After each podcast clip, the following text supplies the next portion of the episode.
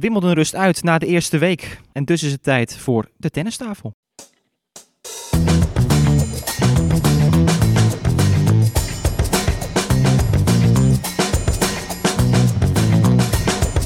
Please take your seats quickly, ladies and gentlemen.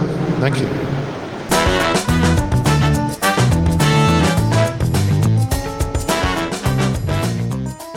Ja, het is vandaag een historische dag. Laatste Middle Sunday ooit op Wimbledon. En we hebben een gast weer. Stefan, we zitten in Amstelveen. Ja, we zitten met drie commentatoren eigenlijk aan tafel. Dus ik Ja, jij bent ben er buitenbeentje Ik hoop dat ik er tussen Ja, kom vandaag. Ja, Want eh, we hebben Ja. Christy Bogert uitgenodigd. Ja, Christy Bogert, toernooidirecteur van het nieuwe toernooi hier in eh, Amstelveen. Eh, leg uit, het is een nieuwe rol erbij voor jou. Ja, dat eh, kwam eigenlijk al ehm, meer dan een jaar geleden. Toen eigenlijk de eerste editie natuurlijk vorig jaar zou, eh, zou zijn. Toen werd ik ervoor benaderd en toen, ehm, toen dacht ik, ja, dat, dat gaat niet lukken in combinatie met, eh, met Wimbledon. Omdat ik natuurlijk ook werkzaam ben eh, als commentator. Dus, eh, maar we hebben daar wel toen gesprek over gehad. Maar uiteindelijk door corona is vervolggesprek nooit gekomen. En toen waren een jaar verder en ik had er eigenlijk in eerste instantie niet zo heel veel rekening mee meegehouden. Maar toen werd ik toch weer gebeld van ja, ja, we hebben toch over na zitten denken. Maar we willen toch kijken of we die combi kunnen maken met jou. Ehm, toch in de tweede week van Wimbledon of je toch toernooidirecteur wil zijn. En eh, ik vroeg natuurlijk in eerste instantie, nou ja, de, waarom ik? Hoe kom je bij mij? En dat was een beetje deels omdat ik eh, natuurlijk de achtergrond heb nog ehm, als speelster. Maar eh, ik doe natuurlijk toch naast het commentaar ook nog andere dingen. En ik heb ook commerciële economie gestudeerd, afgerond. En een beetje die combinatie heeft ervoor gezorgd dat ze toch ja, weer aangeklopt hebben. En toen dacht ik, ja, waarom niet? Als we het ehm erin kunnen passen, dan gaan we, dat, gaan we dat gewoon doen. En daarbij heb ik, heb natuurlijk wel het geluk, Tennisbond heeft natuurlijk wel een rijdende trein wat betreft het organiseren van evenementen. Dus bepaalde dingen, dat, daar ligt natuurlijk wel een heel, eh, een, een heel blauwdruk ligt er al. Dus daar hoef ik me niet mee te bemoeien. Dus dat is wel prima. Want, want leg uit, Ja. want wat is hier precies eh, gaande komende week voor de, voor de luisteraar? Nou, het is een, ehm, een ITF-toernooi. Eh, dat is dus één niveau onder hè, de, de Grand Slams en de WTA. Het is een, een zogenaamde W60. Dat houdt in een 60.000 dollar toernooi. En de W is dan women? The Ways Women, ja. ja. En eigenlijk ehm, waarom deze, deze hoogte? Omdat er zijn natuurlijk wel 15.000, er zijn er 25.000. Eh, de afgelopen twee weken natuurlijk ook twee eh, toernooien in Nederland geweest, mannen en vrouwen. En deze past daar natuurlijk als derde week heel mooi in. En het is weer een stapje hoger. Ehm, dus daarmee hoop je eigenlijk een categorie aan te kunnen boren die een beetje tegenaan zit te hikken om die WTA-toernooien te spelen. Maar die eigenlijk te goed zijn voor die 15.000. Die, die eigenlijk daar tussenin bungelen. Je hoopt ook eh, natuurlijk wat jeugdspelers of wat, wat jonge talenten een kans te geven om, eh, om zich te ontwikkelen. Dus het is, het is hopelijk een beetje een tussencategorie waar we iedereen mee kunnen bedienen. Ja, en Jiu Wang zag ik ook op de lijst staan. Ja, die kennen we. Die, die kennen we van de Fed Cup inderdaad. ja, die maakte grote indruk op ons toen. Ja, die dacht gravel is fantastisch. Ja, Dat heeft ze daar ervaren, denk ik. Ja. ja. ja, ja. Nee, nummer dat, één, dat klopt. Ja. Ja. Tot nu toe nog wel. Ja, de laatste stand van zaken. Ik weet niet of dat er natuurlijk nog, nu nog afmeldingen komen, maar dat, die staat nu inderdaad eh, één. Ja. Klopt. nou, mooi dan. Maar goed, Dus jij, ja. jij gaat je, je werk combineren, hè? want je Ja. blijft ook commentaar geven Ja. bij, bij Ziggo. Het is eh, wel een komische constructie uiteraard, voor de kijker altijd. Eurosport en Ziggo, allebei zenden ze Wimbledon uit. En normaal gesproken zijn we natuurlijk collega's bij, eh, bij Eurosport en, en David ook erbij tegenwoordig. Nu concurrenten. Ja, concreet, maar het Ja. moederbedrijf is hetzelfde. Hè? Dus in Oh. zekere zin is het eh Oké. één pot nat. Nou, Dat, ik, ik, eh, kijk, aan een- je kan inderdaad concurrent. Je kan ook zeggen, er is, er is meer voor de kijker. Want Ja. dus wij zenden natuurlijk niet dezelfde wedstrijden uit. Ehm, als jullie centekort hebben, hebben wij baan 1. En eh, je bent een beetje afhankelijk van het programma. Dus, dus eigenlijk, ik zie het eigenlijk een beetje zo dat de kijker kan kiezen wat hij wat hij zou willen zien. En dat is alleen maar leuk, denk ik.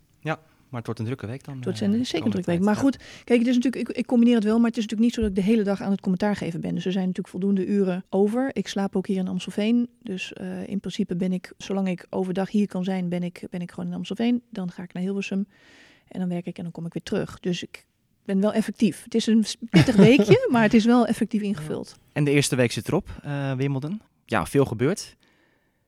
Mijn eerste vraag eigenlijk, Christian, aan jou is... ben jij wel eens zelf gevallen op Wimbledon? Want dat is toch wel een thema van, eh, van de openingsweek geweest? Ja, ja, regelmatig. regelmatig. Ja, het is, het is wat dat betreft een hele nare ondergrond. Als er een beetje vocht in de lucht hangt, eh, en dat was natuurlijk zeker het geval de eerste paar dagen, ja, dan, dan kun je nopjes hebben onder die zolen. Maar dat, dat ja, eh, als je heel even, als je je splitstep maakt en je, en, en je, je benen zijn als het ware ietsje verder weg bij, dan je lichaam, ja, dan hoppatee, dan, dan lig je al. Het, het is wel enger om te zien, soms, dan te ervaren. Dat dan weer wel. Maar doet het iets met je voor de volgende wedstrijd als je een keer bent onderuit gegaan? Jawel. Ja, je wordt Ja. even voorzichtiger. Ja. Je gaat, ehm, dus als je, überhaupt even moet wennen als je van gravel overgaat naar gras. Want met het gravel kan je natuurlijk je passen dermate uitmeten dat je die sliding in kan zetten. Dat is op gras lastiger. Je ziet, het gebeurt wel, maar het is lastiger. Dus je moet al even leren weer om echt je passen te maken, om goed uit te komen. Maar ja, als je dan een paar keer afzet en je, en je gaat onderuit, dan ben je eventjes geneigd ietsje voorzichtiger Ja, te kan bewegen. ik me voorstellen. Ja, geloof jij dat het, dat het gras anders is of zo? Want er wordt natuurlijk naar redenen gezocht van het valt wel erg op dat er nu zoveel spelers onderuit gaan. De opgave Serena, Manarino, het waren natuurlijk de, de gruwelijke momenten van de afgelopen week met name. Mm, Ja, nou, er is wel eigenlijk ieder jaar wel een soort discussie dat er wel weer dingen veranderen. Dan is het gras weer langer en dan is de spriet weer dikker. En, eh, dus, dus ja, men zegt dat er nu ook wel weer iets veranderd is met het inzaaien van het gras. Ik Hm. ben er natuurlijk ook niet bij. Nee. Maar het, ik denk dat het inherent is aan vochtig weer. Daar ontkom je gewoon niet aan. Dus of dat het nou heel veel anders is dan vroeger, dat, dat geloof ik niet. Ja, Is het niet dat het door het dak komt? Dat het dak was een paar keer gesloten in het begin.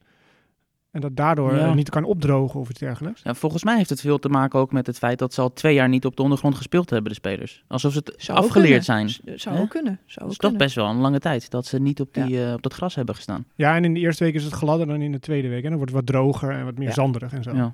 Ja. Ja, ik, Ja, ze hebben het, het, het verschil, wat ik heb begrepen, in ondergrond is dat in Engeland is het meer een klei-ondergrond. En zeg maar in, in, in andere landen is het meer een zandondergrond. En ik geloof dat dat, maar dat weet jij misschien wel, Abe, in de Rosmalen is dat volgens mij veranderd. Daar is ook meer ja, naar klopt, klei ja. gegaan. Ja. En dat maakt eigenlijk dat als die zandondergrond is, dan is het letterlijk zachter. eh, en met klei, zeker als zonnetje schijnt, dat Ja, wordt echt hard. En ja. dan, daarom heb je ook eigenlijk eh, die hogere stuit Ja, ja. bij, het, eh, bij het droge weer. ja, goed, eh, los van de glijpartijen, eh, toch even eh, beginnen met jouw favoriete onderdeel, David, altijd. Het momentje van de week. Wat was jouw moment van de, de openingsweek, los van al die, eh, die uitglijders, letterlijk? Nou, ik heb me kostelijk vermaakt om jullie voorspellingen, ten eerste.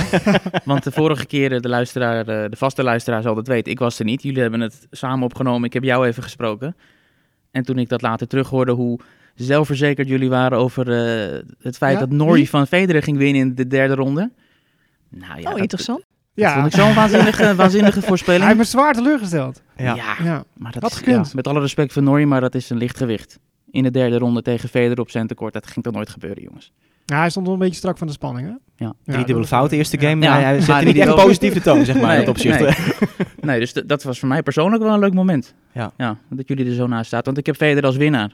Oh, je- Als Ja, dat winnaar is- had je hem ook dat echt. is Oh, dat wist ik niet meer. Dat is Oh, misschien ook weer het andere Dat is best enthousiast. Dat, dan heb je bent een beetje zitten Ja. bibberen, denk ik, met Manarino. Ik wou net zeggen, ja. Ja, ja, ja, maar eh, ja, Want laten we eerlijk zijn, als Mandarino daar niet onderuit gaat, hij hij zat best in de wedstrijd toen eh, van allebei. ja. Nee, eh, dat ontken ik niet. Maar eh, zo staat het er nu voor. Hij staat in de tweede week, Roger.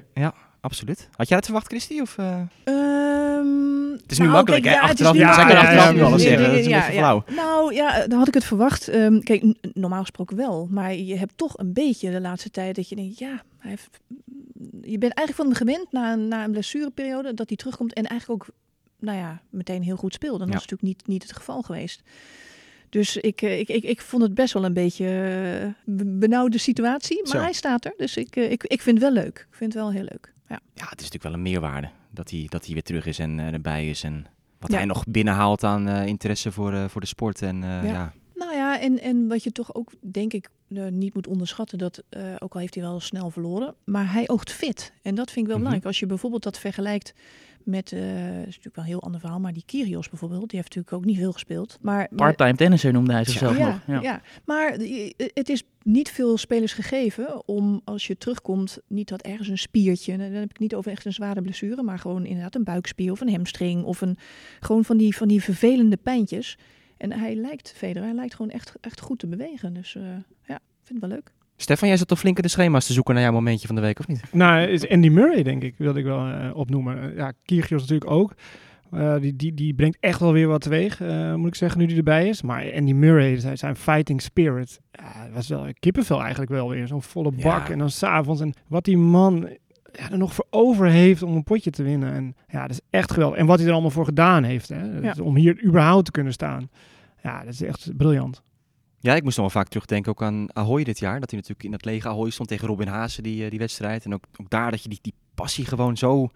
Hij, hij ademt echt, echt topsport nog in alles, hè? En hij wil nog zo maar graag. die is- emotie ook, hè? Ja, dat, eh, precies. Het was bij Queens, denk ik, dat, eh, dat Ja. alleen, alleen al gewoon het applaus van het publiek, dat Ja. hij gewoon, dat hij zo emotioneel werd. Ja, Ja. Dat, dat, Ja, het is, ik vind, ik bedoel, hij verliest dan vroeg, maar het is niet pijnlijk om te zien of zo, vind ik. Omdat hij er zo voor knokt en zo, weet je. Soms denk je van, ja, stop ermee. Is het gewoon pijnlijk om te zien dat iemand Mhm. te lang doorgaat met zijn carrière. Dat vind ik van hem niet. Nee, alleen het is denk ik ook wel een beetje de vraag misschien of het straks op de hardcourts ook zo zal zijn. Op gras kan hij al veel maskeren, denk ik, met, eh, met zijn voetenwerk nog en zijn bewegelijkheid af en toe. Want hij zag het wel, vind ik, als hij in die voorhand soms echt, ja, vroeger was hij zo explosief in die hoeken allemaal. En je ziet wel dat het een beetje is terug. Ja, eh, nee, tuurlijk. En als je zo uit je dak gaat om van Oscar Otte te winnen. ja, kom op. Dat is natuurlijk verschrikkelijk. Ja. Maar ik had wel weer prachtig. Ja. Ja, Ja. ik heb, daar hebben we echt van genoten. Ja. Maar 2-0 in sets voor en 5-0. Ja, Dan die set ja, dat- die was heftig. Dat is ja. Maar toch winnen, hè? Die Dat was. Basilashvili, Ja, ja. Basilashvili, Ja. eerste ronde. Ja. Ja. Nee, maar dat zei Murray ook. Die vierde set was bijzonder knap dat ik die won. Niet veel spelers zouden die vierde set na die 5-0 en 7-5 verliezen. Die Ja. vierde set winnen. Dus dat tekent hem ook wel weer. Ja. Nou, en we hebben al een paar keer nu gezien dat het publiek in meerdere of mindere mate terug is. Maar nu op Wimbledon, op Centercourt, is echt weer dat oude gevoel terug. Voor mij althans, als ik zit te kijken zo. Maar die Zeker. mensen maken ook zoveel geluid altijd, hè? Ja. Dat is echt eh, dat fanatisme. Ja, en wat me ook dan weer opvalt, is dat je weet van het Engels publiek, die gaat altijd voor de underdog zijn. Wie, wie er ook op het centkort staat. En wat gebeurt er? Djokovic speelt en die is weer helemaal van de leg. Die denkt weer dat het hele stadion eh, tegen hem is. Ja. Terwijl ze gewoon, was tegen die Dennis Koetla, die gewoon hartstikke leuk stond te spelen. En die mensen willen gewoon meer tennis. En, Ja. en, en, en hij gaat weer helemaal eh, gek doen omdat hij het idee heeft, en ik zag het ook volgens mij terug in het interview, dat hij, dat hij altijd dat hij 90, 90% van het publiek tegen zich heeft of zo, las Mhm. ik al ergens. Ik denk, ja, zie dat nou niet zo. Het ja, is niet ja. tegen zijn. Je Hij heeft het ook nodig, steunen. denk ik.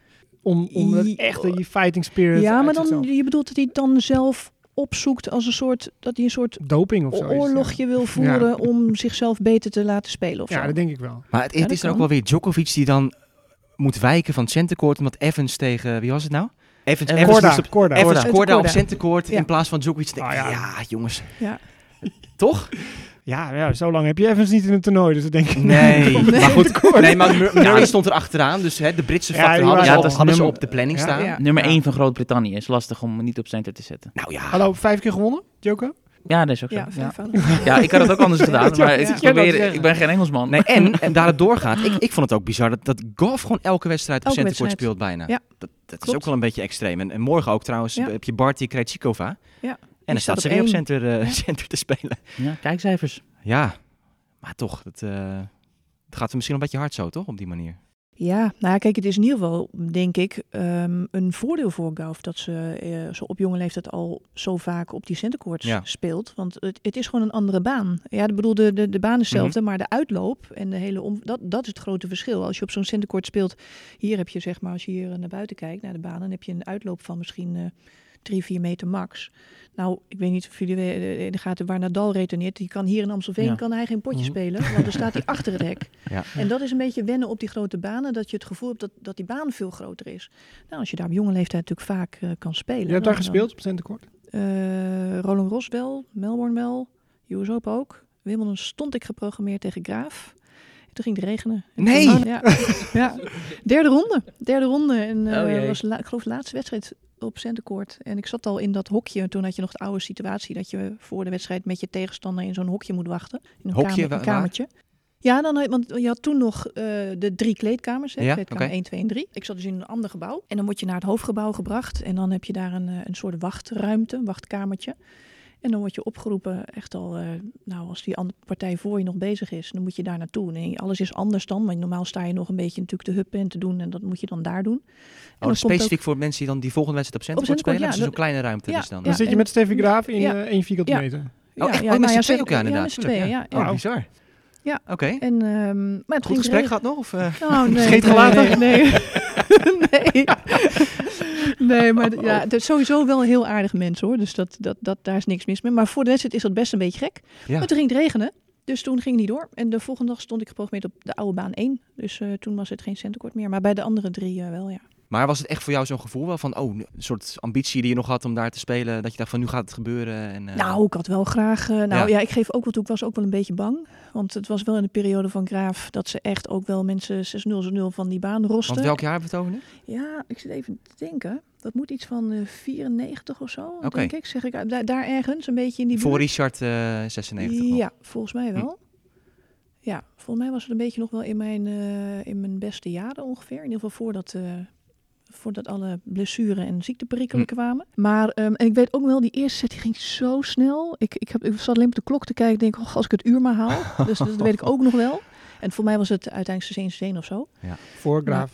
Ja, helaas. helaas. Maar nee, dat, dat- weet je, er waren gewoon een paar speelsters. En Graaf hoorde daarbij, Celis hoorde daar ook bij. Dat zijn van die, ja, die kunnen echt als een bulldozer te werk gaan. En, en als je niet lekker start, en, en natuurlijk ben je nerveus, daar is ook niks mis mee. Maar als je niet lekker start, dan heb je gewoon het gevoel dat je de hele tijd achter de feiten aanloopt. En, eh, en dat is best eh, rottig, is dat. Dus toen was ik weer blij dat het baan 1 was en niet center. Maar heb je nog wel eens dat je nu, dat je nu centercourt ziet of zo, en dat je denkt van, eh, ja, verdorie, toen die dag tegen Graaf, dat eh, is toch achteraf wel jammer. ja, nee. Ja, het had leuk geweest, want dan had ik ze alle vier gehad. Ja. Ja, dat wel. Maar het was sowieso de laatste die, die toen nog eh, moest, eh, of dat, eh, Ehm, even kijken. Nou, ze zaten allemaal wel een beetje in, eh, in die... Ik denk dat de US Open de laatste was.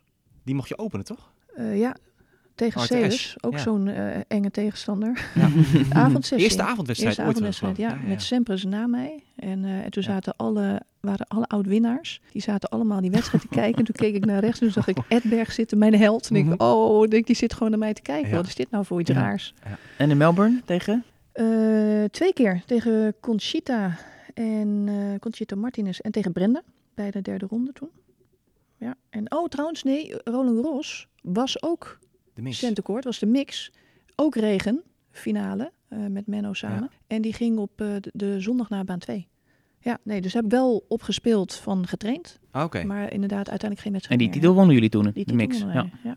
We dwalen af. We zaten bij het momentje van de week. Ja. eh, Ja, jouw eh, momentje Ja. dan. Ja, van- ja, van ja. de Ja, hij kaapt hem weg eigenlijk. Ik vond toch, ja, Murray. Dat, Ja, eh, ik, ik had toevallig twee keer dat ik commentaar bij mocht doen, of drie keer trouwens, al die wedstrijden. Ja. Ja, onbeschrijfelijk, weet je. Dat, dat zo'n legende terugkomt. En ik heb die documentaire nog een keer gezien, dat, dat resurfacing. Wat hij heeft meegemaakt om, om dat weer te halen. En was natuurlijk gewoon klaar, in feite, dacht iedereen. Australië 2019 toen. Ehm, een hele ceremonie op de baan. en eh afscheidsvideo, persconferentie, ja. afscheidsvideo werd eraf gespeeld. En hij wilde die operatie nog doen om weer gewoon normaal te kunnen leven. Hij, kon- hij kon zijn schoenen niet meer aantrekken, zelfs. En, en dat was gewoon de insteek. En toen die operatie was geweest, oh ja, ik voel me wel lekker. Maar was het niet dat hij uiteindelijk een, nog een operatie heeft gedaan eh, die ook een van die Brian Boers Ja, dat, dat, is dus, dat is dus uiteindelijk die, Ja. die, die noodingreep geweest, Ja. die, die resurfacing. Dat Ja. hij echt zo'n metalen plaat in die heup heeft gekregen. Een soort, of een soort bolletje eigenlijk. En hij heeft dus van tevoren ook zelf heel die operatie bekeken. En dan, dan zag hij ook die dokter en dat ding, dingetje erin. Pakt hij echt een hamertje. Toek, toek, toek, toek. Ja. En stond hij zo dat te kijken, stond, stond hij te lachen bij die beelden van... Oh, haha, ze pakken echt een hamer Ja. om zo erin te knallen. Ja. En dat heeft hij dus zelf allemaal gedaan. En eh, ja, het is, het is bizar dat hij... Hij is de eerste tennisser in het enkelspel met zo'n operatie die nog terugkeert. En het zou natuurlijk prachtig zijn als hij het vol kan, eh, kan houden. Dus dat, eh, ja, dat vond ik erg mooi. Dieptepuntje, Serena? Nou ja, achter elkaar. Ja. Manarino en Serena. Ik bedoel, Manarino was, was klaar. En, en we zaten het allemaal nog te verwerken. Eh, dag van zijn leven leek het te worden. Op zijn verjaardag. Ja. Ja. En in één keer afgelopen. En Serena komt de baan op. En wat was het? Derde, vierde game? 3-3 was het volgens mij, toch? Ja. Oké. Ja, nou ja, in ieder geval heel snel eh, ja. was, het, eh, was het klaar. Ja. Ook uitgeleiden en afgelopen. Maar ze kwam al helemaal ingepakt de baan op, hè? Ja, bovenbeen. Ja. Bovenbeen, Hamstring had ze iets, volgens mij. Ja, dus het zag er al, eh, al niet goed uit. Ja, dat was de laatste grote kans misschien voor Serena, Christy. Wat denk jij? Dat denk ik wel. Volgens mij hebben wij het daarover gehad nog eh, met een interview. Dat, eh, dat dit jaar eigenlijk Ja. toch wel een heel cruciaal jaar gaat worden. En dat de Klopt. grootste kans Wimbledon is. Ik, ik bedoel, US Open kan ook hoor. Maar als ik zou moeten kiezen tussen Wimbledon en US Open, dan, dan acht ik deze kans groter. En als het niet zou lukken, dan, dan was de escape nog de US Open. Maar die druk wordt ook weer steeds Ja. groter. En het herstel wordt steeds moeilijker. Ja, ik ben heel nieuwsgierig. Wat is toch opleveren. De druk hoger. Ik vraag me dat af. Want Nou, nu de tijd, tijds, tijdsdruk denk ik wel, ja. zorgt In die zin voor, denk ik wel. zorgt voor de, de druk natuurlijk. eh, Ze heeft Ja, gewoon niet. Maar niet ik heb tegelijkertijd wel het gevoel dat mensen minder nu inmiddels verwachten van haar. Dat er Ja, maar zij zelf mensen... natuurlijk niet van zichzelf. Nee, oké. dat, Dus is dat, eh, nou, dat druk. vond ik eigenlijk al een beetje ook. eh, Roland Garros was het al een beetje weggeëpt, Mhm. vond ik. Er was al niet meer de hele tijd. eh, het gesprek ging niet Nee. altijd maar over die 24ste. Alleen ik denk ook dat het is omdat het in principe de minste ondergrond van er is. En dat die opbouw wel weer zou komen bij Wimbledon. Maar ja, zover kwam het niet. Nee. Muratoglu had aangegeven, hè, de coach, dat de, de dag erna, nadat ze viel, was alweer bezig met eh, hoe moeten we herstellen en hoe gaan we dit allemaal eh, oplossen. Dus Ja, maar dat is praat voor de bühne. is ook zo. Maar laat ik het Ik- hopen dat, het, eh, dat het gaat gebeuren nog voordat ze weer op de been komt. Nou, het, het- ik, zou het leuk vinden als in ieder geval dat- als het een eerlijke strijd wordt. Want kijk, als je geblesseerd raakt, dan heb je, dan heb je ook gewoon geen kans. En eh, als ze wel gaat spelen of als ze kan spelen, dan kan ze er echt voor, voor knokken. En als het dan als het wel lukt, fantastisch. Als het niet lukt, dan, dan heb je ook eh, er alles aan gedaan. En het zou heel vervelend zijn als, als dat niet meer kan. Ik vond ook wel, het is misschien niet helemaal een, een, een, een minpuntje of een, hoe noemen jullie dat? Een eh, Hoogtepunt of diepte? eh, dieptepuntje. ik, vond het heel, ik vond het onwijs sneu voor Johanna Konta. Ja, Dat, eh, ik bedoel, ja, is misschien niet iemand waarvan je denkt, die komt even per definitie heel diep in het toernooi, maar heeft natuurlijk wel halve finale in het verleden eh, gespeeld. Het is, het is een Grand Slam toernooi thuis en dan in contact geweest of dicht in de buurt geweest van iemand met, met corona en je toernooi is voorbij. Nou, dat vond ik echt zuur toen ik dat, eh, toen ik dat hoorde. echt de dag van... eh, Ja. Dag één was dat, werd dat bekend, of de dag ervoor. Ja, het was Ja, in de buurt geweest, ervoor. toch? De Ja. buurt geweest van Ja, iemand met ja. corona. En daarom moet zij Ja. in quarantaine. Maar, Christy, Emma Raducanu, Ja, daar weet jij alles van inmiddels. Nieuwe Britse Ja, tennishoop bij de vrouwen. ja, daar moest ik ook even op studeren. Maar die, eh, inderdaad, gisteren, ehm, dus haar derde Studeren ronde... is wel een leuke woordspeling trouwens, want zij is zelf ook nog... eh, Ja, ja, nou, inderdaad, een paar weken geleden zat ze gewoon nog inderdaad eh, op school en deed, ze er, eh, deed ze de examens. En ehm, ja, ik heb ook een beetje, beetje speurwerk verricht voorafgaand aan die partij. Ik vond eigenlijk het wel verfrissend wat ik las, voor zover het dan natuurlijk ook waar is. Maar ze, is, heeft een hele jonge leeftijd heel veel verschillende sporten gedaan. Eh, vader is Roemeens, moeder is Chinees, is geboren in Canada. Tweejarige leeftijd naar Groot-Brittannië gegaan. Dus er zit van alles in. Maar die vader die was nogal sportgek. En ze heeft echt van alles gedaan. Van nou tot aan karten eh, Oh. aan toe. Ja, dus dat is echt wel grappig. Uiteindelijk bleef tennis toch een beetje overeind. Dus is ze uiteindelijk gaan tennissen. Ehm, maar pas, pas relatief wat latere leeftijd, omdat ze al die andere sporten gedaan heeft. Is bij die LTA terechtgekomen onder de vleugels van Nigel Steers. Nou, dat vind, ik, ehm, dat vind ik fantastisch, want dat is een onwijs goede coach. En als je dus ziet spelen, dan ze deed me een beetje denken, eh, voor degene die nog kennen, Laura Robson. Zo'nzelfde type eigenlijk. Maar wel frisser en onbevangener dan Robson. Ehm, en dat heeft misschien te maken dat Robson was ook een hele goede junior. En, en dit meisje is, is 18 en komt eigenlijk nu pas bovendrijven. Maar zoals ze eh, stond te spelen in die, in die eh, derde ronde tegen Kirstea. eh, op zich een goede loting. Maar het is wel het debuutjaar. Wimbledon op baan 1. Misschien beter voor haar baan 1 dan centercourt. Maar stond ongelooflijk onbevangen te spelen. Ik vond het een leuke speelster. Ze pakt de bal goed aan. Kan Eh, lopen, zeg. Kan lopen, is Zo. fysiek goed. Serveert goed, is niet bang. Kon natuurlijk vrijuit spelen. Heerlijk positie om in te zitten. Maar niet iedereen kan het. Ik, ik vond het echt ik vond het een ontzettend leuke speelster. Ik Maar- ben, maar- ik ben altijd op zoek naar een local hero. ja, Maar de- deze had ik even niet thuis zien komen. nee, maar ik, ik wilde net zeggen, van, wa- wa- waar komt zij nou precies vandaan? Want ik, ma ik maak er niet vaak mee dat ik nog in een slam iemand in de derde ronde zie staan. En ik denk van, huh? Ja, nooit van gehoord. Wie is dat? Nooit van gehoord. Ja, ja, ja ze heeft eh, eigenlijk haar debuut gemaakt in Nottingham, volgens mij eh, twee weken voor Wimbledon. Daar kreeg ze, daar kreeg ze ook een wildcard. Maar, maar ze zal, denk ik, gewoon binnen Groot-Brittannië daar zich wel hebben bewezen. Mhm. Eh, want waarom krijg je anders een wildcard? Nee, precies. Dat, het zal niet zijn Ja. omdat ze clubkampioen is geworden. Ja. Dus, dus ja. Nou, en kan gewoon winnen van Tomjanovic. Nou, hij zit in een fantastisch bedoel, gedeelte van eh, het schema natuurlijk. Die Tomjanovic die zal ook wel een beetje stressen, denk ik. Ja, precies. Ja. En eh, daar staat ze in de kwart. Ja, die heeft Ja. een hele ontspannen derde ronde achter de rug. eh. Met Ostapenko, ja. Ja. Leg even uit, David, want Ja. dat heeft niet Ja. iedereen gezien, denk ik. Ja, het- ik weet niet welke baan het was, maar dat was eh een Ostapenko-feestje als vanouds. Want die, eh, die stond geweldig achter tegen Tomiljanovic en die besloot er eh, bij een 4-0 achterstand mee op te houden. Althans, die nam plaats op haar eh, bankje en die zei, eh, ik heb ergens last van. Visio op de baan. Ja, was iets van een buikspier of zo, geloof Ja, ik. en, en ze zei van, ik heb de fysio nodig. En de umpire zei, ja, dan moet je wachten tot de game is. Ja. Nee, nu. Weet Nee, je, dan nu. gaat ze op het bankje zitten. Ik heb nu die fysio nodig. ja, nou, dacht, wat is dit voor gekkigheid? En die heeft meteen gezegd van, tegen die umpire waar, waar Ostapenko zelf bij zit. Je ziet toch ook dat dit een leugen is? ja, Ze liegt. You know Eh, she's lying, weet ja, je. En het je- publiek ja. begon te lachen op de achtergrond. Ja. Ja, nou ja, uiteindelijk eh, wint zij dan die wedstrijd, Tomiljanovic. En aan het einde, wat, ja, wat, hoe noemen we dat? Een, eh, Een bitchfight. zo, zo dat je ook. Ja, jij weet het. Ja, Ja, ja, ja, ja, Hij ja, zocht maar ja, een, ja. een net Ja, woord. ik ben alleen, blij dat jij ging zei, het, ja. maar zo ging het Er komt even psychotaal in ineens. Ja. hier, eh. ja, dus ehm, ja, een bitch, bitchfight. Ja, ik zal het nog was maar een echt, keer zeggen. Ja. Het was lelijk. Het was lelijk naar elkaar. Dat eh, zeker Ja. waar. Ja, want uh, Ostapenko vond het niet leuk dat ze ja, voor dat publiek... You have no respect, you have no ja, respect. voor later ook dat ze allemaal uitgemaakt, ja. disrespectful was en dat soort dingen. En eh, toen zei Ja. Tomjanovic van, ja, you're one to talk, weet je wel. Moet jij nodig zeggen. En het mooiste beetje, kwam nog in die persconferentie dat Ostapenko zei... als ik 50% eh, van mijn niveau had gehaald, had ik er gewoon verslagen. Maar ja, goed, die Ostapenko, die is toch echt... Van kinds af aan was toch al een, eh, een mafketel. Hè? Ver- Vergeet ik nog dat het verhaal dat, dat iemand zei van... Ja, dat was als meisje in de kleedkamer. Dan stond er een wedstrijd van Serena aan. En dan stond Ostapenko van... Ja, maar dat is toch helemaal niet zo goed? Weet je, ja, dat kan ik ook. Dat, weet je wel. En dat heeft natuurlijk ook geholpen. Ze heeft natuurlijk niet voor niks Roland Garros zo jong gewonnen. Dat ze ook natuurlijk toen nog wat geloof had van ik, ik ben gewoon zo goed. Nou ja, en ook ja. die onbevangenheid. Ja, hè, dat, die precies. had ze toen nog wel, maar, Ja. maar, maar daarna ging het toch een tijdje even Ja. minder. klopt. Ja, maar dat was ook gewoon twee weken alle ballen uit je reet slaan en dat viel allemaal in toen. Ja. ja dat is ook Maar de laatste tijd speelt ze wel weer lekker. Iets constanter, ja. Ja. ja. Ehm, Kiki, dat was iets minder best. Voortzetting van de laatste week eigenlijk, hè? Dat, eh, Ja, was, ja, ze speelden drie onderdelen om eh, maximaal te genieten van Wimbledon. Nou, dat waren drie keer eerste ronde verlies. Single, dubbel, mix. En eh, ik zat in die persconferentie na afloop en ik stelde een vraag. En eh, nou, tranen met tuiten. Dus liep weg. We moesten even vijf minuten op de zelf eh, komen. En ik vroeg gewoon heel simpel van ja, heb je nu eigenlijk de bevestiging dat je een goede beslissing hebt gemaakt? Want die single, ja, mhm. dat was niet best, vond ik, het niveau. En eh, ja, ze had het natuurlijk anders gehoopt. Eh, iets, iets vrijer op die baan te staan, iets meer te kunnen genieten. Maar dat, dat kan ze gewoon niet als er eenmaal een wedstrijd eh, begint. Nee.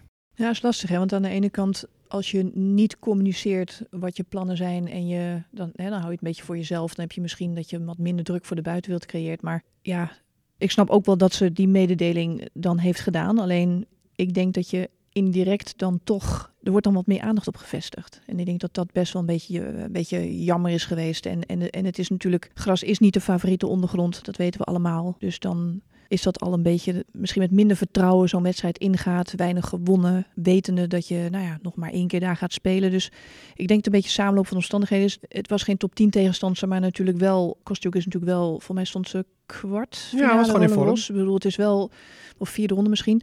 Maar is wel natuurlijk een goed meisje, jong meisje nog. Dan staat Kiki daar natuurlijk wel gewoon als topfavoriet. En of dat je nou wel in vorm, niet in vorm, of je gaat stoppen of niet, dat, dat etiket heeft ze als topfavoriet. En dan is, het, is dat teleurstellend. En die druk inderdaad, die ze, die ze toch ook zichzelf een beetje oplegt, ja, dat is gewoon heel jammer. Hoe heb jij op dat nieuws gereageerd überhaupt trouwens, toen ze aankondigde dat ze ging stoppen? Kwam het voor jou uit de lucht vallen? Of, eh? Ehm, nee, niet helemaal. Ik vind het jammer, natuurlijk wel. Ik vind het zeker jammer. Maar ik weet ook wel hoe het is om vanuit de revalidatie terug te komen. Er zijn verschillende soorten revalidaties. Alleen kijk, als dat vanuit een ehm, spierscheuring is of zo, dan is het echt een ander verhaal dan, dan een operatie.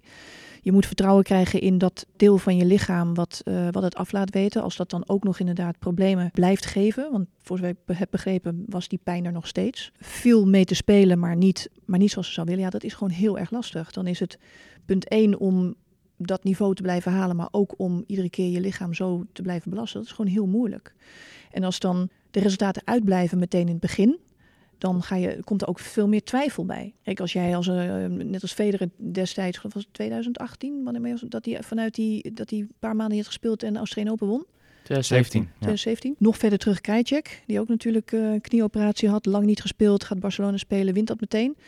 Ja, dat zijn eigenlijk de ideale comebacks. Dan is er nul twijfel. Ja, en dat is bij Kiki wel aan de aan de Nou ja, hand. je ziet het nu gebeuren bij Federer ook, hè? Want nu is die comeback minder. Nou ja, en, en Kiki heeft natuurlijk ook altijd aangegeven dat ze niet het ambieert om natuurlijk eh, dik in de 30 nog steeds te spelen. Daar is ook wel heel duidelijk over geweest. Dus ja, ik, je, je zag het een beetje aankomen en, en, en toch, eh, toch vind ik het jammer. Ja, Ja, zeker. Maar het het contrast met zo'n Andy Murray en Ja. zo'n Kiki Bertens, die allebei in een, in een herfst of een winter in hun carrière zitten. Ja, dat is 180 ja, graden. grappig. Ja, ik- zo'n soort opmerking krijg ik ook op social media. Dat verschil als je dat inderdaad ziet van hoe die terugkomt en hoe Kiki terugkomt. Maar ja, Murray die is gewoon, die is gewoon tennisgek. Maar ja, kijk naar Kyrgios. Ik weet niet of je dat ge- gehoord hebt of gelezen hebt. Nog dat de laatste. in- Hij had altijd bedacht: ja, als ik 28 ben, dan stop ik. En ik ben niet zo gek van het spelletje zoals eh, inderdaad eh, Djokovic, Federer, Nadal. Hij zegt: dat heb ik gewoon niet in me. Ik, Ik, heb hoef geen Grand Slam te winnen, zegt hij Nee, gewoon. nee, ik vind het hartstikke leuk wat ik heb gedaan. En het heeft me ervoor gezorgd dat ik een redelijk eh, vrij leven kan, kan leiden. En, en, en daar ben ik blij mee. Want zijn eerste liefde was basketbal. En, en daar kon hij het niet mee redden. En is toen eigenlijk daarom maar gaan tennissen. Dat doet hij natuurlijk niet onverdienstelijk. Maar hij heeft gewoon die, die, die drijf. Ja, ik snap dat ook niet. Want als ik mag kiezen, ik zou heel graag terug willen naar de tijd dat ik nog kon, eh, dat ik nog Mhm. kon tennissen. Ik Ja. vond het allerleukste wat er was. Ja. Maar Nee, dat ja. is ook een beetje de angst, denk ik. Tenminste, die, ook, die ik ook heb. Want Kyrgios zegt dat nu allemaal. En die is nu gewoon wat leven aan het genieten. Lekker een beetje computerspelletjes spelen en wat dan ook. En als hij straks 35, 40 is. Of er dan misschien nog zo'n soort gevoel komt van... Ja, ik heb toch eigenlijk wel een beetje eh, met de petten aangegooid eh, onnodig. Of, Ja, nou, ik, hij is wel heel erg extreem, denk ik, daarin. Want hij doet best wel veel. Als hij nu, hij is natuurlijk al die maanden thuis geweest. En ik heb begrepen dat hij heel erg actief is eh, voor zijn charity, de, een Mhm. goed doel. En, en dat, hij, dat hij eigenlijk een heel groot hart heeft. En Ja. dat, dat verwacht je eigenlijk niet van hem. Het is natuurlijk echt wel een beetje een, nou ja, een, een botte boer af en toe. Maar dat heeft hij wel. Dus ik betwijfel of hij geen invulling zou weten. Ik heb heel sterk, en ik heb dat ook wel eens eh, tegen wat Nederlandse tennissers gezegd, als dan, eh, als het wat minder ging en zo van dat, dat je een beetje het idee had van nou, ze doen er niet alles aan. Ja, je realiseert je eigenlijk pas wat je hebt tot je het niet meer hebt. Als ik terugkijk naar, ehm, ik heb echt alles aan gedaan, eh, bijna twee jaar lang, om na die operatie eh, terug te komen. Ja, het ging gewoon niet. Weet je, dus ik heb ook gewoon geen keus. Maar als je aan me vraagt van het, zeg maar, het intense genieten, dat doe je eigenlijk op het moment dat je eh, met je carrière bezig bent, ben je niet helemaal bewust van dat genieten. Want je bent eigenlijk altijd bezig met beter worden. Hè? Als, je, als jij 50 staat, dan wil je 40. En als je 40 staat, wil je 30. En je weet eigenlijk natuurlijk nooit, tenzij je nummer 1 van de wereld bent, maar je weet nooit wat jouw hoogste ranking is. Dus toen ik 29 stond, had ik ook het vizier nog steeds op verder staan. Toen dacht ik, ja, misschien is top 20 wel mogelijk. En, ja, en, en als je gaat genieten, te veel gaat genieten, of je gaat realiseren waar je mee bezig bent, dan haal je eigenlijk je focus weg bij wat je moet doen. En dat kun je niet gebruiken, want, want dan is er te veel concurrentie. Dus je bent eigenlijk altijd maar bezig met, met, met beter worden. Dus het genieten, dat komt eigenlijk pas achteraf. En dan, Ja. dan pas weet je wat je mist. Dat, dat zegt Murray nu ook, hè? Ja, dat, dat hij nu dat echt in die comeback goed. nu gewoon heel bewust ja, alles wil meemaken Ja. waar het kan. Eh, en dat hij ook vroeger echt in die, die, die molen zat van presteren, doorgaan. Je komt wimmel erin, alleen met het doel van eh, ver in de tweede week komen. En je neemt niet in je op. Ja. Kleine momentjes. Hè? Een, een training met Federer had hij het over voor het toernooi. Dat het ook het is toch prachtig dat ik met Federer Ja. kan trainen Ja. voor het toernooi, Ja. weet je wel. Dus Dat, ineens dat Ja. hij dat beseft Maar nu. daarom zie je ook veel speelsters weer terugkomen. Voor een Reva, Ja. Pironkova. je, Vesnina. allemaal moet- Ja, allemaal wel weer. Maar ik zie met Kiki niet gebeuren. nee, dat denk Ik denk ook ook niet. Maar Nee, maar die hebben echt liefde voor het spelletje. Ja. ja. Nee, en- maar ze- ja. Zo'n Andy ook, die dan vandaag op tweetje plaatst van... wat is de beste ballenmachine? Heb je dat gezien? Ja, ja, klopt. Ja, ja, ja, ja. Hij is drie dagen geleden En uitgeschakeld. iemand had geantwoord Novak Djokovic. Dat was ook wel leuk. Ja, is ook zo eh, typische Andy-moment. Want hij had zelf nog wel gezegd hè, dat hij een beetje het wel zwaar had na die Mhm. nederlaag. Of, die, of het het wel waard is nog, al Ja. die moeite die Ja, hij erin steekt. klopt. Ja, dat vond ik wel weer verrassend. Ja, vond ik ook. Ja. Daar was ik wel een beetje weer van geschrokken. Ja, Dat ik dacht maar dan van, komt hij eh, vandaag weer met die ballenmachine, ja, dus dan is het weer goed. Ja. ja, het gaat een beetje alle kanten op. Maar eh. Shapovalov speelde ook goed, hè. Ja, ja, Ja. ja. Speelt heel steady, want die, jongen- die jongen heeft zoveel talent. Maar het ging natuurlijk ups en downs. Maar ik vind hem steeds steadier worden. Ja. Gevaarlijke klant. Ik vind het eigenlijk wel een mooi bruggetje om nog even naar Barty te gaan. Eh, over passie voor de sport en eh, hè, het mentale proces allemaal. Want we weten dat zij een paar jaar ook gestopt was met het cricket eh, tussendoor. En blessure gehad in Parijs. En nu lijkt ze weer helemaal fit. Is zij nu topfavoriete, de rest van het toernooi? Nee. Nee? Zeker niet. Oh? Sabalenka. Aha.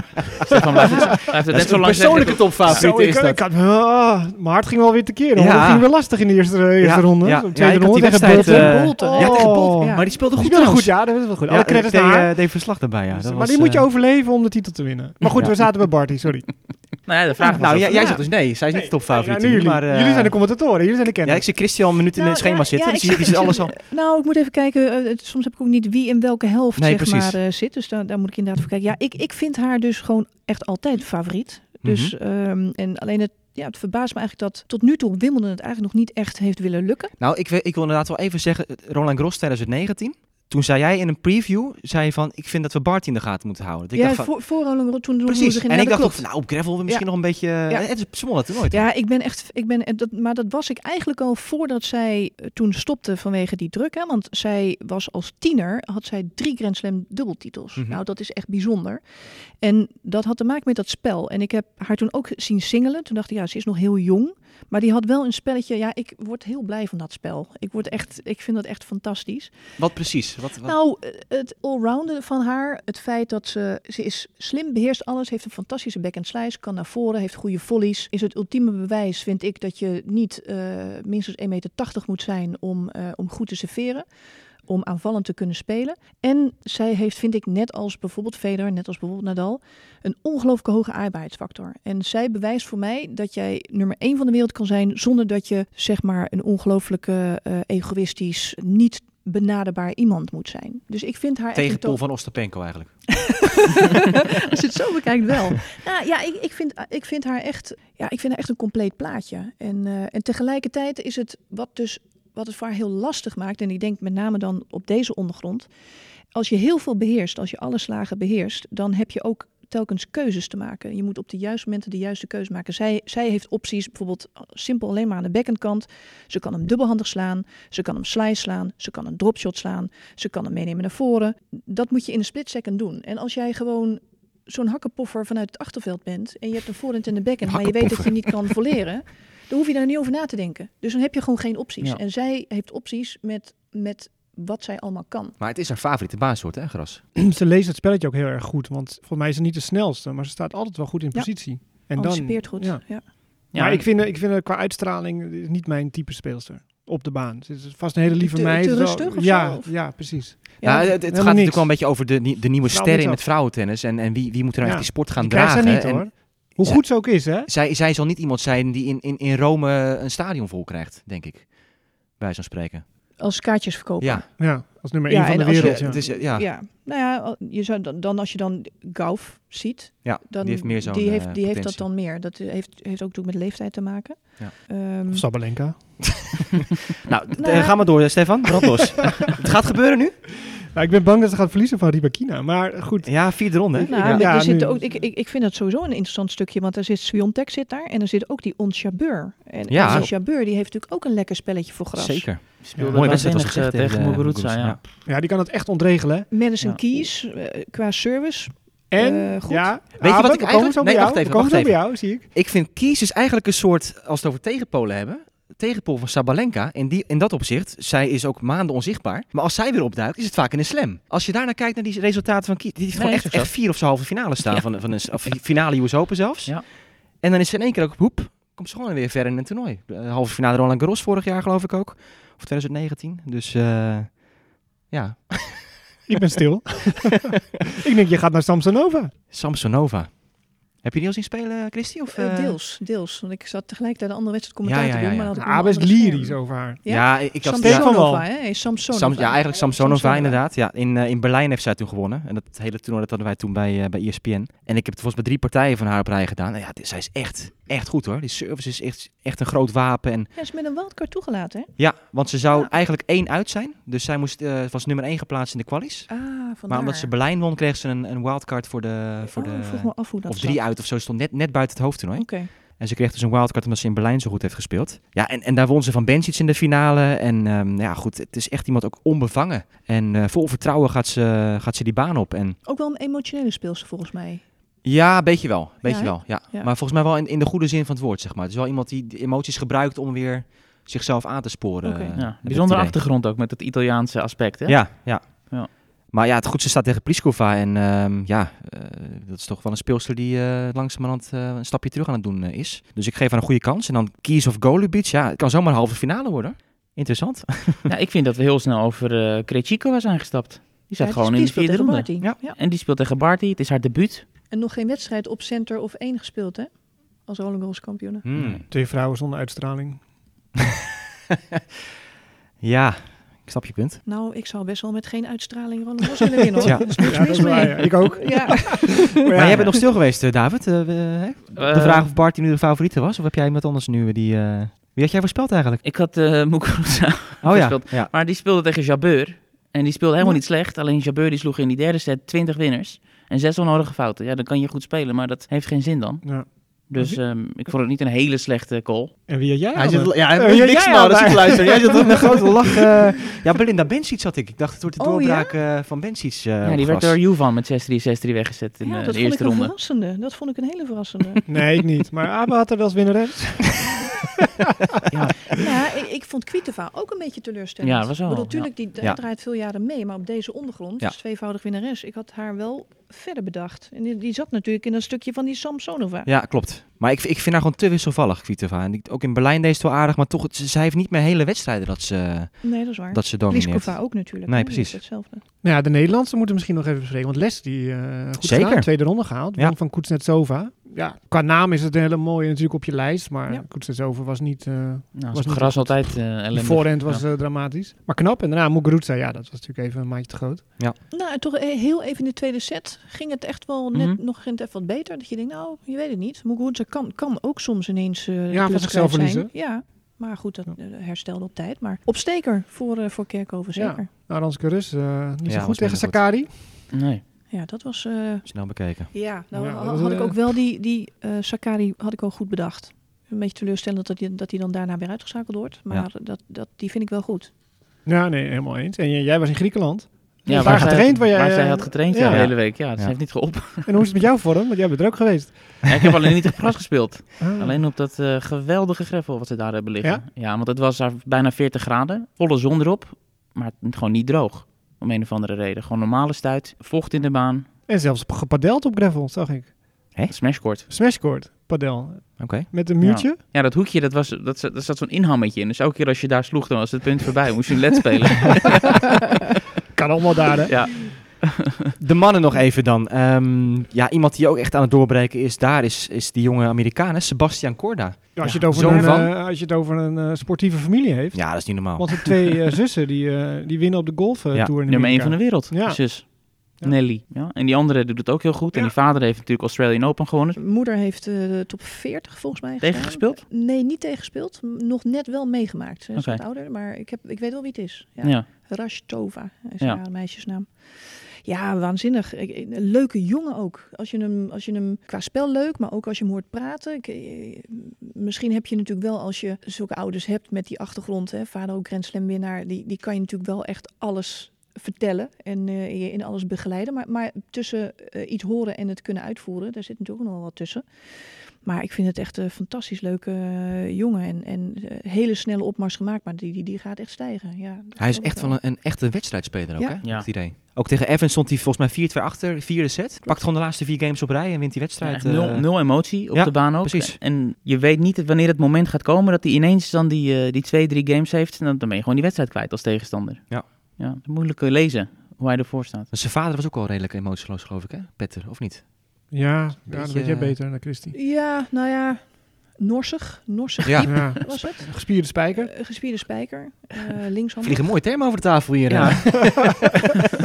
Wel iemand volgens mij, wat ik me een beetje kan herinneren, die, die niet zo heel erg tussen alle spelers op de tour was. Hij ging wel een beetje zijn eigen, zijn eigen gang, had ik, het, had ik het idee. Ja, en snoept ook een beetje, toch? Uiteindelijk Tja. wel. Ja. Ja. Ja. hij is geschorst natuurlijk. Ja. Ja, Eh, maar hij speelt tegen Rios volgens mij in die finale van de Australian Open. En Dat was Ja. wel, ja, natuurlijk topfavoriet en Rios. daarna is dat, En daarna is wel, ja, hij is ook niet, niet lang daarna natuurlijk ook gestopt. Hè? Ja. Dat is natuurlijk best dat, dat eigenlijk wel grappig, want daar hoor je niet zoveel meer over. Maar het is wel een ding wat aan hem kleeft natuurlijk. Zeker. Ja, en Marcelo Rios nummer 1 geweest zonder Grand Slam. En daar is hij eigenlijk misschien wel bestolen van een Grand Slam Ja, titel. ja kan. Verder opvallend eh, in het mannentoernooi. Ja, Djokovic is natuurlijk weer eh, redelijk soeverein door. control, hè? Ja, Toch behalve de eerste naar de set. finale. Eerste set verloren van eh, Ja. Jack Draper, eerste ronde. Ja. Ongekend. Ja, ja. Maar hij had ook geen wedstrijd gespeeld op gras nog, hè? Nee, even, even opstarten. nou ja, dubbel. Dubbeltje. In eh, Ja, Mallorca. in Mallorca, dat is Op waar. zand, dat is waar. denk ik dan. Ja, in Mallorca zou zand liggen. Ja, dat, die, Ja. ik weet niet of je die baan gezien hebt, maar dat, Ja. eh, dat groen, het groen was ver te zoeken daar. Ja. Fuxovic is wel eh apart. eh verschijning. Rublev, hè? Wat is dat, vierde keer dit jaar? Vijfde keer dit Ja, jaar? precies, ja. Ja. Weer, ja. Niet te geloven. En Fuxovic zei je van, tegen jou wil ik niet meer spelen dit jaar. Maar Ja. deze de vierde ronde wil hij wel nemen, hoor. Nou, die won van Sinner in de eerste ronde Ja. trouwens. Dat was eh, knap. Ik was wel een beetje onder de indruk van, eh van Zverev, de eerste rondes. Het is niet zijn meest geliefde ondergrond natuurlijk, gras. Maar Ja, van Tellen winnen is natuurlijk niet, eh, geen sinecure. Eh, nee, nee. Nou ja, maar Tellen speelde goed. ja, die had twee breakpoints in de game. Dus sloeg ook. eh, een paar topspelen Hij speelde, hij speelde echt goed. En, En, als, fantastisch, hè? ja, maar als, als Zverev goed speelt en, en je kan dat soort kansen creëren, dan zegt dat op zich ook wel wat, wat over Nee, Tellen natuurlijk. Maar, Ja. maar met name waarom ik, wat ik goed met bij Zverev, die, die service is natuurlijk erg wiebelig. Die, hij ja, kan zomaar tien Mhm. dubbelfouten per wedstrijd slaan. Maar hij staat heel goed te serveren. En als dat blijft, dan is hij eigenlijk voor iedereen een heel lastige tegenstander. Ja, nu moet hij tegen Ogier Dat vind ik dan persoonlijk ook wel weer leuk, dat hij met bij Ja. die vierde, bij de laatste 16 staat. Hey, maar die Taylor Fritz, hè? Want Sfeer heeft won ervan in vier sets. Ja, dat is Maar bijzonder. die lag gewoon nog eh, aan een knieoperatie drie weken terug. Ja. Ja, maar wat was dat voor knieoperatie? Wat we moesten Ja, gebeuren? iets kleins. Was iets kleins. Ja. Dus hij, hij gaf toen al aan dat hij hoopte Wimbledon te kunnen spelen. Maar toch, het is toch een eh, is apart beeld. knap, zeker. Zverev heeft een nieuwe PR-team, hè, trouwens. Dat zich gespecialiseerd heeft in crisisbeheersing. Dus ehm moeten we wel even noemen. Oké. Ja, die hebben ook allerlei andere atleten eh, in de portfolio zitten die, Ja, eh, vader Ja? Corda. die met, Bertens? met problemen kampen. Dus dat moeten we even in de gaten houden. Hey, maar hebben, hebben jullie, hebben jullie gisteren nog uh, Medvedev Cilic gezien? Een beetje, ja. Beetje. ja, ja, ja. Dat was ook wel Ja. interessant. Dat, eh, die Cilic was echt niet normaal goed aan het spelen. De eerste twee sets. En 2-2 in de derde set. Niks aan het handje. En daar ineens, eerste punt van de game, gaat hij echt rare dingen doen met eh, een bal op de baseline waar hij het punt zelf stopt. Challenge aanvraagt, gaat verkeerd in die hele game. Geloof ik drie challenge, een hele rare game. En vanaf dat moment is dat momentum eh, gewoon geswitcht. Toen al. Dus bij 2-2 in, eh, in de derde. En de pet van eh Medvedev, hè? Eén punt. Eén punt heeft hij gespeeld eh, omdat Ja. er een, eh, een schittering was. eh, Ja. zeg Dat maar, was begin ergens- vijfde set, geloof ik, toch? Eerste punt. Eerste punt Precies, ja. En dat hij tegen de umpire zegt van, ja, wacht even, ik sta hier en ik, ik, ik zie hier allemaal licht aan de overkant. Ja, Kunnen we daar eerst- even iets aan doen? Ja, hij wilde eerst zeggen, kunnen we niet even wachten? Kunnen we niet even dat de stoppen? umpire even naar het Sp- International Space Station belt of zo, van Ja. zet even de zon en, uit. Ja. En, en, en die scheidsrechter die had ook nog te kampen met de tablet deed het niet meer. Dus die, Ah, ja. ging, die ging met de hand alles schrijven. Maar die was dus op een gegeven moment de tel kwijt. En moest nieuwe ballen in het spel komen. Vergeten. En twee games later zijn pas die nieuwe ballen gekomen. Maar hele, toen was het 5-0 geloof Ja. ik of zo. Maar voor hetzelfde geld eh, Ja. weet je, dus het gaat het gelijk op. En eh word je toch benadeeld. Wat ik me Ja. steeds zit af te vragen, heeft Cilic nou al zijn hele carrière gehad dat hij 84 keer met die bal stuitert? Ik heb Wel het, vaak, ja. ja, maar volgens mij is het iets van de laatste jaren dat hij dat meer is gaan doen. Of niet? Ja, voor mij, in mijn- in mijn optiek heeft hij het Heeft altijd het wel gedaan. gehad, ja. Altijd zo extreem. Ja, ja. Oké, want ik weet, vroeger was natuurlijk Djokovic eh, altijd het verhaal met die, eh, met die balstuiten. Maar gisteren ook die, shotklok. En dan zat hij te kijken, oh, ik heb nog 19 seconden. Ja. Nou, Ja, 1, ik 2, 3, 4, Ja. 5, 6, 7. En, Ja. Maar hij begint ook en, niet en dan eerder. even een pauze, weet je, drie Ja, seconden. en En dan kijkt hij nog een keer. Ja, dan kijkt hij of je er nog bent. Ja. Want hij gaat niet beginnen met stuiteren voordat Nee. hij klaar staat. Maar Federer zei toch van, eh, ga maar van stuiteren, ik kom ja, eraan. Ja, dat was Maar dat doet hij niet. Ik had hem als halve finale. Cilic. Cilic, ja. Cilic. Dus ik dacht, ik ga lekker eh, tegen Medvedev. Maar ja, toen... eh, Was de eerste keer dat Medvedev terugkwam van 0-2 in sets trouwens. Dat is nog een eh, Ja. dingetje. Tegen Hurkacz, ja, die is ook opgeleefd. Want na Miami had hij niks meer gewonnen. Ja. Dus, eh, nu vierde ronde. En Lorenzo Sonego. Tegen Federer. Nou, dat, dat, die kan Federer bezighouden. Dat is, een, eh, dat is echt zo'n zo'n vlieg op de baan. Die, die, die, Ja. Dat is echt een... eh, Ja, die heeft stiekem wel hele bijzondere resultaten neergezet. Hij won van Ja. team in Rome. Ja. Djokovic vorig jaar. Nou goed, Djokovic die tankt heel ja, de die partij tankt weg die wedstrijd, ja. Maar, maar, ja, maar toch. Maar ja, hij heeft ook, en toen hij van team won, heeft hij ook natuurlijk tegen Djokovic volgens mij gespeeld. Rome. Ja, pakte een Drie set. sets. Ja, pakte een set. Ja. Maar goed, ja, op gras. eh, ik heb helemaal geen beeld bij hem op gras eerlijk gezegd. Ik weet niet. eh, Ik denk als het droog weer blijft. eh, zijn route is ook wel. Ik zie, ik zie Pedro Sousa staan. Ik zie Daniel Galan ja, en James Duckworth. Ja, Ja. dat had las- lastiger gekund. En nu Federer, ja. Nou, de kwartfinale. Maar Federer die loting is. eh, heeft Federer zelf zijn loting zo uitgetekend of niet? Ja, en de Maar de we tweede ronde wel- is natuurlijk Maar we missen ja. wel Nadal hè, in dit Ja, spel. Ja. natuurlijk. Dat, Ja. eh, dat vind ik wel hoor. Ja, je krijgt de Iwashka voor terug in de vierde ronde. Die gaat spelen tegen Berrettini. Tegen Berrettini. En die eh, Ook won goed hoor, Berrettini. Ja, die won van eh Botik. Botik. Dat was een leuke wedstrijd. Maar Van de zijde van de Nederlander ook. Had best wel eh, wat kansen op verschillende momenten. Ik vond Berrettini helemaal niet zo geweldig eh, goed spelen. Hij had veel breakpoints wel. hè? Ja, ja maar elke keer, elke keer op break, zeker. Elke keer op breakpoint was alleen, eh, eh, ja. alleen twee aces toen. Ja, Dus op alle breakpoints tegen, setpoints tegen was Berrettini eerste service, boom en Ja. eh, Maar dat is dan toch het onderscheid, hè? Met Ja. zo'n wereldtopper en Ja. ja, iemand die eraan komt. Berrettini winnaar van Queens, dus echt wel een, een kans hebben om ver te komen. Ja, en dan, ja, goed, aan de andere kant, wat moeten we zeggen? Djokovic natuurlijk eh, ook een goede loting. Garin in de vierde ronde. Ja. Dan Rublev misschien. En ja, maar op gras de zie ik kant. eh, Djokovic niet zo heel veel problemen hebben Nee. met Rublev, denk ik. Voor het eerst ooit drie Russen in de vierde ronde Oké, op Wimbledon. Djokovic uh, gedoodverfde kampioen. Ja, voor mij al voordat Ja. het toernooi begon. Ja.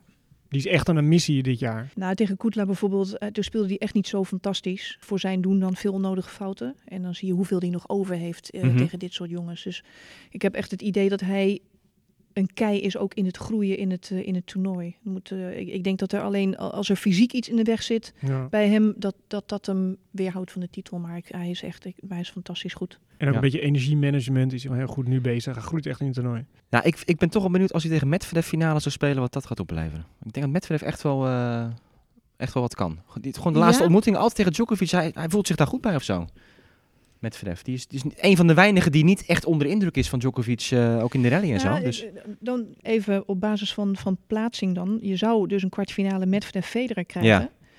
En dan ben ik wel benieuwd wat Medvedev met zijn opstelling van de return gaat doen. mhm. Want die staat echt vijf meter achter die baseline. En eh, Federer is natuurlijk wel echt een kei in het variëren van het serveren. Ja. En als hij zo ver erachter blijft staan, kan Federer ook wat makkelijker misschien zijn service volley spelen. Moet hij wel wat aanpassen, Medvedev. Ja, jij gelooft dat hij gaat winnen dan, Federer. Nou, ik heb aangegeven dat hij het hele toernooi gaat winnen. Dus dan, Ja. ja. Ja. maar Ja. ik heb wel aangegeven dat dat is wel eh, de matchup waar ik het meest naar uitkijk. Ja. Federer en Medvedev. Want het is een tijdje geleden dat ze tegen elkaar hebben gespeeld. Miami 2019 of zo. Shanghai hebben ze ook nog een keer gespeeld. Dat was een leuke wedstrijd. Maar eigenlijk een beetje voordat Medvedev Precies, zeg daarom. maar, is hoe die Ja. nu is. En, Ja. en, en Federer geblesseerd raakte natuurlijk. Dus dat is Ja. echt wel wat tussen. Dus ik ben wel benieuwd Ja, of ik dat ook, eh, ik iets, ook. Ik iets vind dat ook een nieuws heel eh, interessant. oplevert. Stefan, waar kijk jij het meest naar uit, tweede week? Nou ja, eerste ronde Women 60 hier op de NTC. Ja, ja, ja. Ja, toch? Ja. Dat is een heel Is goed er een livestream of niet? Eh, dat, eh, ja, zeker. Oké, Ja, ja, ja, ja. livestream, zeker. Ja. KLTB.nl. Toptennis.tennis.nl. Ja, ja, die is het. Ja. Oké, nou dan wordt het multitasken. Ik heb kramp. het wordt, eh het wordt multitasken. Jij hebt nu kramp. ik heb nu krijg ik kramp van. ja. ik heb gepadeld 2,5 uur. Dus ik, Oh, Oké, lekker. nou, goed moment om, eh, af te ronden, denk ik. eh, of niet? Voor mij wel. Christy, jij gaat naar de loting toe, geloof ik nu? Ja. Of wat, eh, Ja, kwalificatieloting vandaag. En Heel de week hier? morgen eh, hoofdtoernooi. Ja, ben benieuwd. Oké. Nou, op naar een mooie week op Wimbledon en in eh, Amstelveen. Dus voor de liefhebbers, elke dag eh, wordt hier gewoon volop gespeeld, hè? Gratis toegang, toch? Ja. Dus mensen Centrum. kunnen komen. Oké, nou, veel plezier nog komende week op Wimbledon en hier in Amstelveen. En graag tot de volgende weer.